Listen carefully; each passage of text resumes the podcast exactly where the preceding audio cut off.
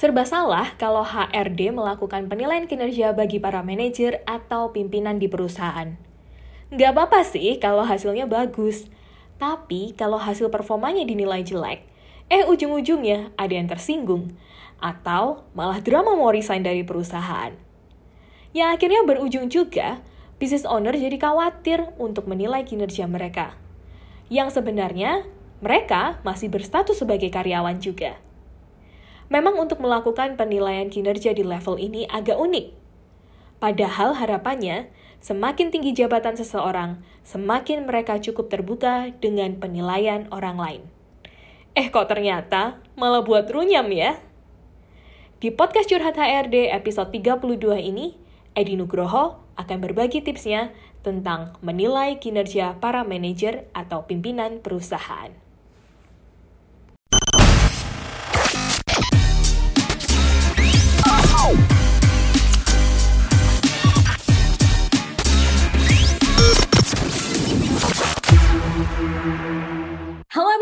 Welcome back to Curhat HRD. Semuanya apa kabar? Semoga semuanya dalam keadaan sehat, semangat, tidak stres, walaupun targetnya mungkin nggak sampai di tahun 2022. Nggak apa-apa, nggak apa-apa ya. Cuman uh, mungkin ini bisa jadi bahan evaluasi untuk 2022 yang mungkin ini kurang dua minggu untuk Anda, kurang dua minggu, kurang seminggu. Uh, benar-benar ngelihat lagi apa sebenarnya hal-hal yang sudah baik, uh, dan apa yang bisa kita tingkatkan di tahun 2023. Jadi jangan patah semangat. Karena apa? Karena podcast Curhat HRD terus menemani semuanya di sini, para business owner, human capital practitioner, dan professional leader untuk membahas topik-topik yang berkaitan dengan pengelolaan SDM. Nggak cuma dibahas aja, tapi kita juga akan mendengarkan solusinya dari masalah-masalah yang dibahas itu bersama dengan human capital expert dari Sinergia Konsultan. Nah, ngomong-ngomong memang kalau uh, yang sudah dengerin podcast di uh, episode sebelumnya kita membahas di Desember ini penilaian kinerja. Kenapa? Karena ya banyak banget dan kalau udah bulan-bulan seperti ini pada sibuk gitu kan. Ini tiba-tiba aja targetnya nggak kesampaian gitu. Kenapa? Ya karena orang yang mengerjakan di dalamnya. Seharusnya sebelum target itu diketahui sampai atau tidak, kan ini dinilai terlebih dahulu timnya. Apakah memang kompeten ataukah memang ada hal-hal yang perlu diwaspadai cara kerjanya dan seterusnya. Maka itulah kenapa di bulan Desember ini uh, podcast Curhat HRD juga menghadirkan topik yang berkaitan dengan menilai kinerja karyawan.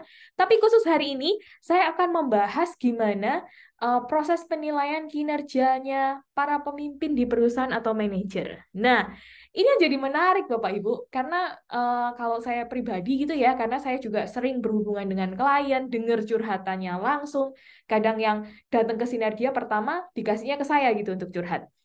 Um, apalagi kalau HRD gitu ya, merasa selalu aja serba salah.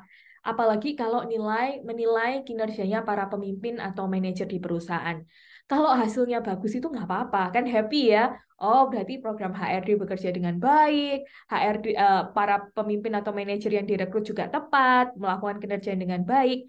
Tapi kalau hasilnya jelek, sering kali ada pemimpin atau manajer yang tersinggung, ya kan? Kadang nggak cuma tersinggung, terus kalau bahasa Jawanya tuh mutung gitu ya. nggak mau. Ah ini kok nggak mau kerja lagi? Atau misalnya malah drama mereka mengancam resign dari perusahaan. Dan bahkan saya pernah mendapati seorang HRD itu curhat sama saya uh, terkait dengan penilaian kinerja mereka menggunakan feedback 360 and then terus uh, si si pemimpin ini atau manajernya itu diberi hasil itu karena feedback 360 itu tidak ada namanya. Si pemimpin ini nggak terima dengan hasil yang diberikan itu. Sampai dicari itu orangnya siapa ini kan kayak luar biasa aja gitu ya. Kenapa sih manajer punya waktu untuk ngelakuin itu sebenarnya mereka punya tanggung jawab yang lebih besar untuk strategi bisnis di perusahaan. Nah, maka untuk melakukan penilaian kinerja di level ini memang agak unik ya sebenarnya. Harapannya semakin tinggi jabatan seseorang, semakin mereka cukup terbuka dengan penilaian orang lain. Tapi kok ternyata drama itu tetap terjadi di perusahaan ya. Yang pasti saya nggak sendirian hari ini di podcast Curhat HRD, saya sudah bersama dengan Bapak Edi Nugroho atau saya kerap kali panggilnya Mas Nugi untuk berbicara bagaimana menilai kinerja para pemimpin atau manajer di perusahaan. Bukan kenapa, karena saya pernah mendapat cerita dari Mas Nugi, beliau mengevaluasi uh, ingat gak sih Mas, dirimu pernah cerita ke aku uh, atasanmu waktu itu. Lalu dengan sangat terbuka yang membuat saya emes, wah luar biasa berani banget ya ngomong kayak gitu gitu. Tapi mungkin kita nggak lihat dari sisi nyalinya ya berani atau nggak berani gitu tapi sebenarnya apa yang dilihat dan itu menjadi signifikan untuk disampaikan dengan cara yang tepat ya nah maka kita langsung aja sapa Mas Lugi apa kabar Mas Hai, hai, hai Marcel. Sehat-sehat Marcel. sehat dong dirimu sehat Sehat, suara rada habis karena teriak-teriak nonton bola tuh.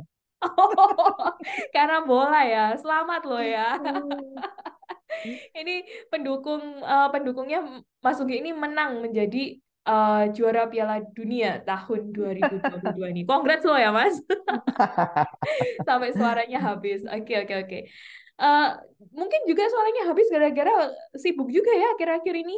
Oh iya, biasa. Uh, akhir tahun penilaian di sana sini masih iya banyak perusahaan minta raker pertama. Kemudian kalau Hmm. ngomong raker ditanya sudah melakukan penilaian kinerja belum? Oh, apa itu, Pak? Loh, ini kan sudah gandengannya. Oktober, Hmm. November itu biasanya sudah harus penilaian Ya. kinerja. Raker itu sudah dipersiapkan. Itu kan Hmm. udah bergandengan.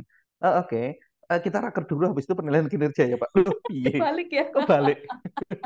Ya, okay. makanya podcast ini mungkin juga mengakomodir uh, para business Mhm. owner yang juga kayak, Hah, harusnya mana dulu ya? Nggak apa-apa, kalau terlambat nggak apa-apa. Ada raker dulu aja, nanti kita Januari siap-siap penilaian kinerja gitu ya. Boleh, boleh, Oke, nggak masalah. nggak masalah. Yang penting tetap dilakukan dengan Ya, objektif gitu kan ya Mas ya? betul, betul. Jangan Nah, jadi rutinitas kosong, tapi ya. Ya, benar benar benar benar benar.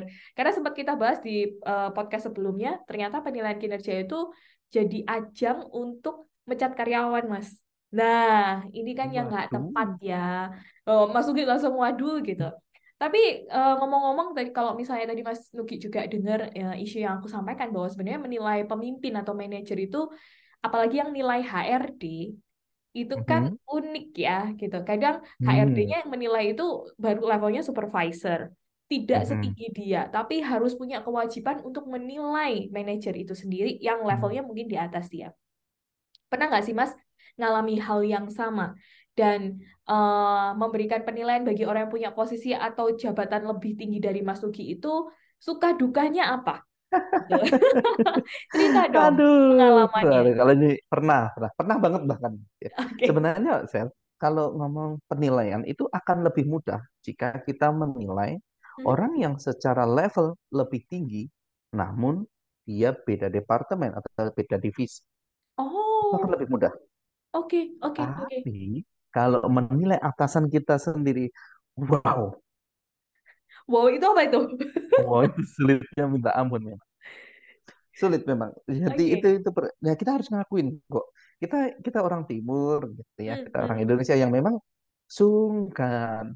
Kamu hmm. ditanya sama papamu itu, menurut kamu nak, papa itu seperti apa? Ya susah lah kamu mau menilai secara jujur. Betul, betul, betul, betul. Kecuali Hmm, memang sudah terbuka komunikasi yang sangat baik dan hmm, ruang untuk itu itu terbuka.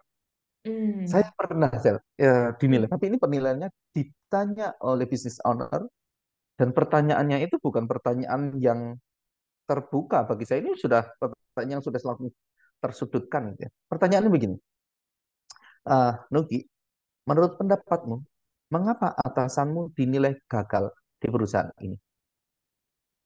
Business owner tanya ke Masuki gitu ya, yang sebenarnya waktu itu mungkin bukan bukan manajer atau bukan pimpinan HRD gitu ya. Ini yang nanya langsung business owner gitu ya, Oh, menanyakan oke. atasanku dan pertanyaan itu sudah langsung tersudutkan sekali kan. Heeh, Mengapa heeh. atasanmu dinilai gagal? Oke. Artinya dia sudah menilai Sudah bahwa menilai gagal itu sendiri. benar-benar. Terus terus. eh, saya bingung. Aduh, menjawabnya apa ya? Wah, ini Hmm, perkara sulit ini. Karena kan kalau kita ngomong, kita mau ngomong, eh, oh nggak gagal kok, ya nggak mungkin bisnis orang sudah mengatakan gagal kok. Jadi dia hmm, intinya hmm, itu hmm. sudah tahu ini gagal dan kamu juga menilai, kamu harus menilai gagal dan kamu harus tahu kenapa. Wah, Kenapa ini dia perkara ya. Ini perkara sulit ya. Hmm, Karena ya kita satu tidak terbiasa untuk hal itu ya. Tidak terbiasa menilai atasan kita dan kemudian ya sudah terarahkan sekali pertanyaan. hmm. Nah, kalau menilai jabatan yang lain, yang secara struktural lebih tinggi tapi beda divisi atau beda departemen, mungkin akan lebih mudah. Tapi kalau Mm. nggak pada atasan memang sulit, karena itu terkait dengan pekerjaan kita. Oke, oke. Ketika kemudian, loh, kalau ini eh, kendalanya ini terjadi di sini, di sini, di sini, lalu peran serta kamu apa? Ya, Wah, itu kan menjadi menjadi memang agak rumit ya. jadi panjang ya Kalau Mas misalkan kita, ya. ah, Jadi betul, panjang ya. Heeh, heeh. panjang. Kalau kemudian kita menjawab, ya, Pak, eh, ada hal-hal yang seperti ini nih yang belum pas. gitu. Hmm, hmm. Pertanyaannya, kenapa hal itu tidak kamu komunikasikan? Ah, betul. Jadi semua pertanyaan dan jawaban akan menuntut pertanyaan kembali. Akan jadi masalah baru nggak? Akan jadi masalah baru. Wah, ini memang susah. Ini memang susah. Tapi Ya, kalau departemen lain, so far akan lebih relatif lebih mudah ya. ya, ya. Mungkin lebih objektif juga ya, karena udah, udah, udah ya benar-benar tidak mengalami kesehariannya di sana ya. betul. Akan lebih Oke. objektif gitu ya. Hmm, Kalau hmm, kalau dengan departemen lain, karena karena kita kan ngomongnya kalau dengan departemen lain kan kita ngomong data. gitu. Ya. Kemudian isu-isu apa nih yang berkembang di internal atau eh, kan sama seperti gini, eh, Pak, Pak, eh, data kami Hmm, Anda hmm, itu hmm, dikomplain dari departemen ini, ini, ini seperti ini, akan lebih mudah. hmm. Eh, my friend John, ya, ya, ya, nah ya, kayak ya, gitu menggunakan friend. ya orang lain. Nah itu data dari orang lain nah, itu lebih mudah dibandingkan kalau misalkan menilai atasan sendiri. Memang harus diakui itu bukan perkara mudah.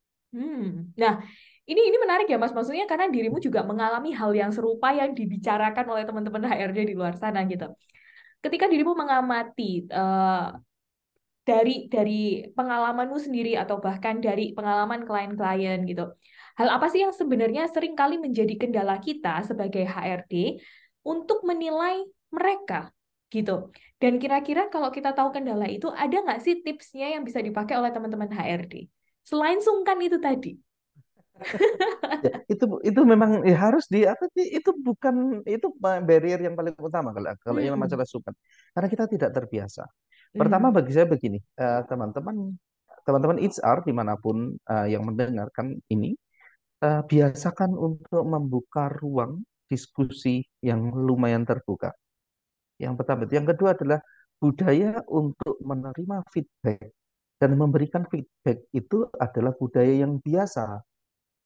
Dan kita ngomong mengenai Kaizen.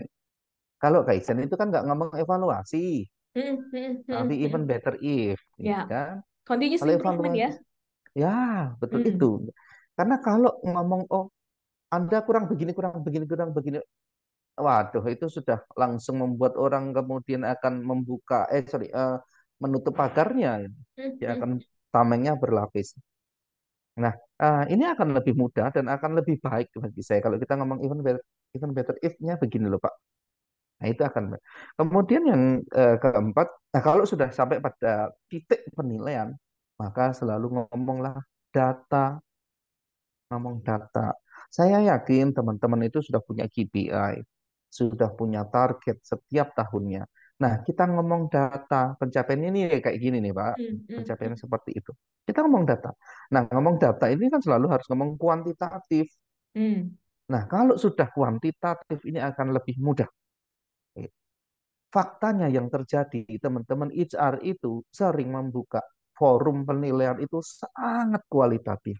Hmm. Sehingga Betul. pertanyaannya terbuka sekali. Ya. Orang pusing. Dan kemudian oh, orang akan dengan mengatakan, nah itu kan pendapat si A. Ya, ya, ya, ya. Nah kan Jadi itu itu beragam, apa? terlalu beragam ya pendapatnya ya. Iya terlalu beragam. Pertanyaan sangat terbuka biasanya dan dan sangat kualitatif. Nah itu berat memang. Saya Hmm. ngomong bahwa bikin data menjadi kuantitatif. Kemudian yang terakhir adalah kalau sudah ngomong data, ngomonglah mengenai isu-isu internal. Apa sih yang disebut dengan isu-isu internal? Isu-isu internal itu adalah ngomong mengenai komplain, Hmm. ngomong mengenai Hmm. penilaiannya orang Hmm. yang terkait bukan teknis pekerjaan, Hmm. tapi bagaimana kita berhubungan dengan yang bersangkutan. Hmm. Nah, ini Oke, harus di ini ya, harus di, dikemukakan gitu ya. Hmm. Eh, Pak, ada peristiwa A, even betternya seperti ini, Hmm. Hmm. seperti ini. Bukan ngomong, Pak, ada isu A, Hmm. evaluasinya begini. Nah, tidak, Hmm. ya itu. Nah, itu akan lebih mudah sebenarnya. Ah, teman-teman HR, ini semoga bisa menjadi tips untuk Anda untuk berproses di situ ya. Ya, ya, ya, ya, ya. Jadi kalau saya mau mengulangi review dari uh, apa yang disampaikan Mas Sugi tadi, ada tiga hal yang sebenarnya bisa diterapkan oleh teman-teman HRD, HR. Yang pertama adalah menerapkan budaya Kaizen gitu. Jadi melihat segala sesuatu itu continuous improvementnya apa, akan lebih baik jika seperti apa gitu. Dan ketika melakukan penilaian kinerja kepada para pemimpin atau manajer, Anda perlu menyiapkan data-datanya. Karena ini yang sering kali miss ya, kalau saya bilang ya Mas, kayak uh, iya si Bapak itu dulu ngomongnya kan begini, sekarang ganti begini. Nah, ngomongnya begitu itu notulennya ada nggak sih gitu? Nah, Rapatnya apa meet, apa sih namanya catatan meeting ya? Catatan meetingnya tuh ada nggak sih gitu? Sehingga itu memang bisa dievaluasi. Atau at least kalau misalnya nggak punya KPI, belum punya KPI karena banyak perusahaan juga belum menjalankan KPI, targetnya apa nih yang jadi kesepakatan bersama? Betul, ada betul. catatannya enggak? Nah, itu adalah data-data yang bisa uh, Anda juga lihat kembali sebagai sumber penilaian. Ya, betul. Gitu. Bahkan di uh, LOT di beberapa waktu yang lalu ya, Ya. eh, teman-teman kita ada LOT ya kalau Anda semua juga mengikuti sebagai member kami. Kalau Anda hadir di beberapa pertemuan lalu saya mengatakan bahwa fungsi dari penilaian kinerja itu ada dua, ya Pak. Satu fungsi uh, fungsi evaluatif, satu fungsi pengembangan. Hmm. Ngomonglah Oke. di fungsi pengembangan agar membuat orang lebih terbuka. Ah, benar. Kalau Apalagi ngomong udah di fungsi level hmm? manager ya, Mas ya? Iya, manajer tuh evaluasi ya berat, Pak. Iya, iya, iya. Kalau kalau nanti kita yang evaluasi, aduh Marcel, kamu tuh umur berapa? Saya kerja ini sudah sekian puluh tahun lamanya. ya? Ah, betul. Iya, Masa iya, kamu iya, mau iya. ngajari juggling Messi? Bener. benar benar benar benar benar. Jadi ngomongnya adalah ke fungsi pengembangannya bukan lagi ke fungsi evaluasi. Oke oke oke. Dan tadi yang ketiga adalah uh, selalu menggunakan isu internal untuk fungsi-fungsi pengembangan itu ya jangan dilupakan. Betul. Nah Iya. berangkat dari sana ya. Iya. Jangan ngomong teknis ya. Jangan Hmm. ngomong teknis ya. Kalau teknis kan akan ini ya. Banyak detailnya ya. apa gitu. Kalau orang insan tanya, kamu tahu apa tentang teknis yang saya lakukan? bener. Gitu. Iya iya iya. Ya. Apalagi HRD, terus habis gitu dia ngevaluasi manajer produksi. Aduh, nggak ketemu ya. Namanya bikin perkara. Iya, bikin perkara. gitu. Oke, oke. Nah, sekarang Mas, eh, kalau itu kan kita eh, sebagai HRD, kita sudah bisa benar-benar ngelakuin tipsnya, kita bisa menilai kinerja manajer untuk fungsi pengembangan. Gimana kira-kira cara memper kita mempertanggungjawabkan kepada business owner? Gitu. Uh, supaya apa yang kita sampaikan juga cukup netral, uh, jelek atau bagusnya si manajer atau pemimpin itu juga bisa kita sampaikan dengan baik pula gitu. Karena Hmm. saya melihat juga banyak sekali owner yang takut kehilangan pemimpin atau manajernya. Hmm. Jadi dia sendiri nggak siap kalau si manajer itu dievaluasi kurang baik oleh HRD-nya. Ah, oke, oke. Nah, Ya. gimana cara HRD mempertanggungjawabkan itu? Wah, ini ini ngomong ini ya, eh, akhirnya ngomong presenting ya. Bagaimana Hmm. presentasi yang baik? Nah, selalu selalu ngomong dari why. Hmm. Nah, selalu ngomong dari why gitu ya. Ah, mengapa ini seperti ini? Ini Hmm. kita harus sampaikan. Nah, ngomong why itu ngomong motif. Hmm. Akhirnya, Hmm. motifnya kita apa? Akhirnya, kita motifnya mengembangkan atau motifnya menelanjangi. Oke, Kalau oke. kita sudah ngomong motifnya mengembangkan, maka ini akan lebih mudah. Bahasanya sama, frekuensinya sama. Uh, business owner, Bapak dan Ibu, saya berharap perusahaan ini seperti ini. Oke, oke. Tujuan Bapak dan Ibu sama kan? Hmm. Bahwa hmm. kita akan lebih banyak berkembang dan sebagainya. Hmm. So, hmm, ini yang perlu kita sampaikan. Hmm. Menyamakan frekuensi, motifnya jelas, maka ini akan lebih mudah. Nah, kemudian yang kedua adalah ngomong mengenai ketakutan-ketakutan mereka apa yang apa yang Anda takutkan? Apa yang Anda takutkan? Ya, kita harus membackup membackup para business owner mengenai hal ini gitu ya. Tidak ada yang perlu dikhawatirkan selama tujuan kita baik. Oke, oke, oke, oke, oke.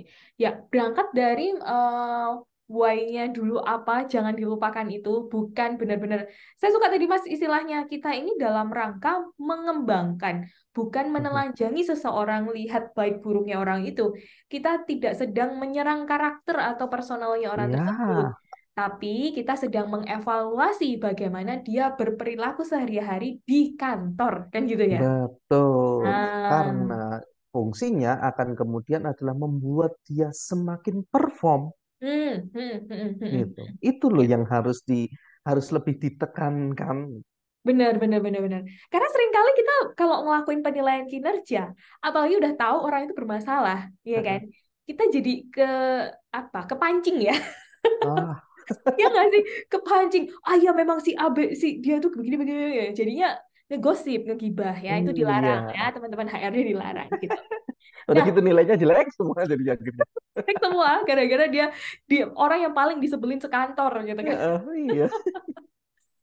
Mas, itu kalau kita lihat dari Ya. sudut pandang HRD-nya gitu. Mm-mm. Tapi kalau kita mau switch dikit, geser dikit sudut pandangnya dari seorang business owner gitu. Oke. Ketika dia tahu seorang pemimpinnya itu ternyata nggak perform atau dinilai kurang baik oleh HRD karena data-data yang jelas, karena isu yang Hmm. terjadi, dan HRD sudah menceritakan dengan sangat baik Hmm. eh, kenapa dia menilainya seperti itu.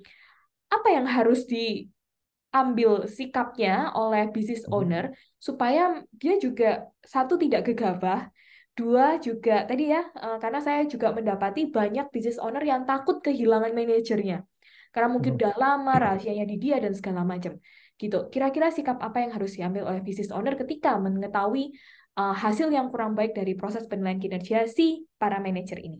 Hmm. Iya, kalau memang nggak perform keluarin aja, Pak. Agak ekstrim ya. Iya sih, bener ya. Kenapa kita harus pusing-pusing ya? Nah, iyalah. Ngapain pusing-pusing gitu ya? Hmm, Kalau memang eh, satu memang tidak perform, kemudian ya ya hanya akan menjadi numpang hidup gitu ya. Ngapain? Keluarin. Kita keluarin pakai kos yang sudah kita hitungkan. Sebenarnya kan budget itu sudah kita hitungkan. Pesangon selesai dan kita memulai hidup yang baru kan gitu. Dan sebagai business owner harus berani ngambil Oh resiko ya itu ya. berani, harus berani Hmm, dong. hmm, Dan itu sudah menjadi resiko, sudah hmm, menjadi resiko kita. Ya harus berani, keluarin, enggak apa-apa. gitu. Nah, hmm, kalau memang masih bisa dikembangkan, ayo. hmm, Tapi kalau enggak, ngapain business owner takut? hmm, hmm, hmm. Ngomong masa. Emang kalau kemudian satu orang itu dikeluarin, masa kemudian akan bergerak, kemudian dia akan begitu solidaritasnya. Oke, saya pasang badan, saya juga akan keluar. Alah, enggak juga. Orang kita juga butuh hidup kok.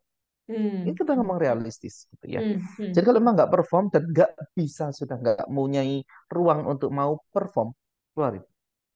hmm, Lebih baik dipotong, selesai, kita memulai hidup baru. Tapi kalau hmm, masih bisa dikembangkan, ayo, mari kita kembangkan. Nah, hmm. di coaching seperti Coaching. apa? Hmm, Ya, kalau HR-nya nggak mampu, ya hmm, nyarilah profesional coach. hmm. Seperti itu. Nah, ada satu hal yang uh, mungkin bisa menjadi kata Hmm, kunci gitu ya hmm, kalau saya itu ya. Terkadang beberapa orang itu yang uh, dengan jabatan tertentu dan memang sudah sangat senior. Senior itu bukan waktunya ya, tetapi hmm, senior hmm, secara pekerjaan atau hmm, memang hmm, sangat qualified itu. hmm, hmm. Um, ditantang kalau saya. Ditantang dengan target. Oh. Karena beberapa orang tertentu itu merasa memang sudah tantangannya sudah berkurang. Jadi Hmm. Ya, gimana? Sudah nggak ada, sudah nggak ada ini ya feel untuk berusaha menang Ya, kayak ya, gitu. ya. Jadi dia sudah dapat semua. Apa yang harus kubuktikan? Oke, oke. Nah, itu terkadang kita harus tahu uh, apa ya rest buttonnya itu kita harus tahu. Hmm, hmm, hmm. Kalau saya Oke. gitu ya. Jadi business owner, bapak dan ibu semua nggak perlu takut, nggak Nggak usah perlu takut.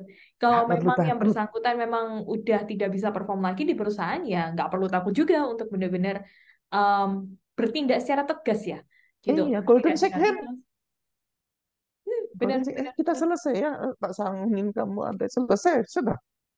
Hmm, ini ini menarik ya, karena kalau ngomongin terkait dengan business owner kayak, ih enak kalau ngomong sama Pak Nugi enak kali gitu ya uh, sarannya gitu aja gitu tapi eksekusinya gimana nah jangan khawatir makanya uh, Bapak Ibu kalau misalnya Bapak Ibu juga ngerasa bahwa ya kayaknya aku perlu konsultasi dulu terkait dengan hal ini dan segala macam bagaimana aku harus menindak atau sebenarnya bagaimana aku harus memberikan peringatan terlebih dahulu kepada yang bersangkutan silahkan aja karena sebenarnya kalau di Sinergia kami juga menyediakan ruang untuk konsultasi gitu dan ruang hmm. konsultasi ini free ya Bapak Ibu untuk para member dari HCA Online Mentoring Program.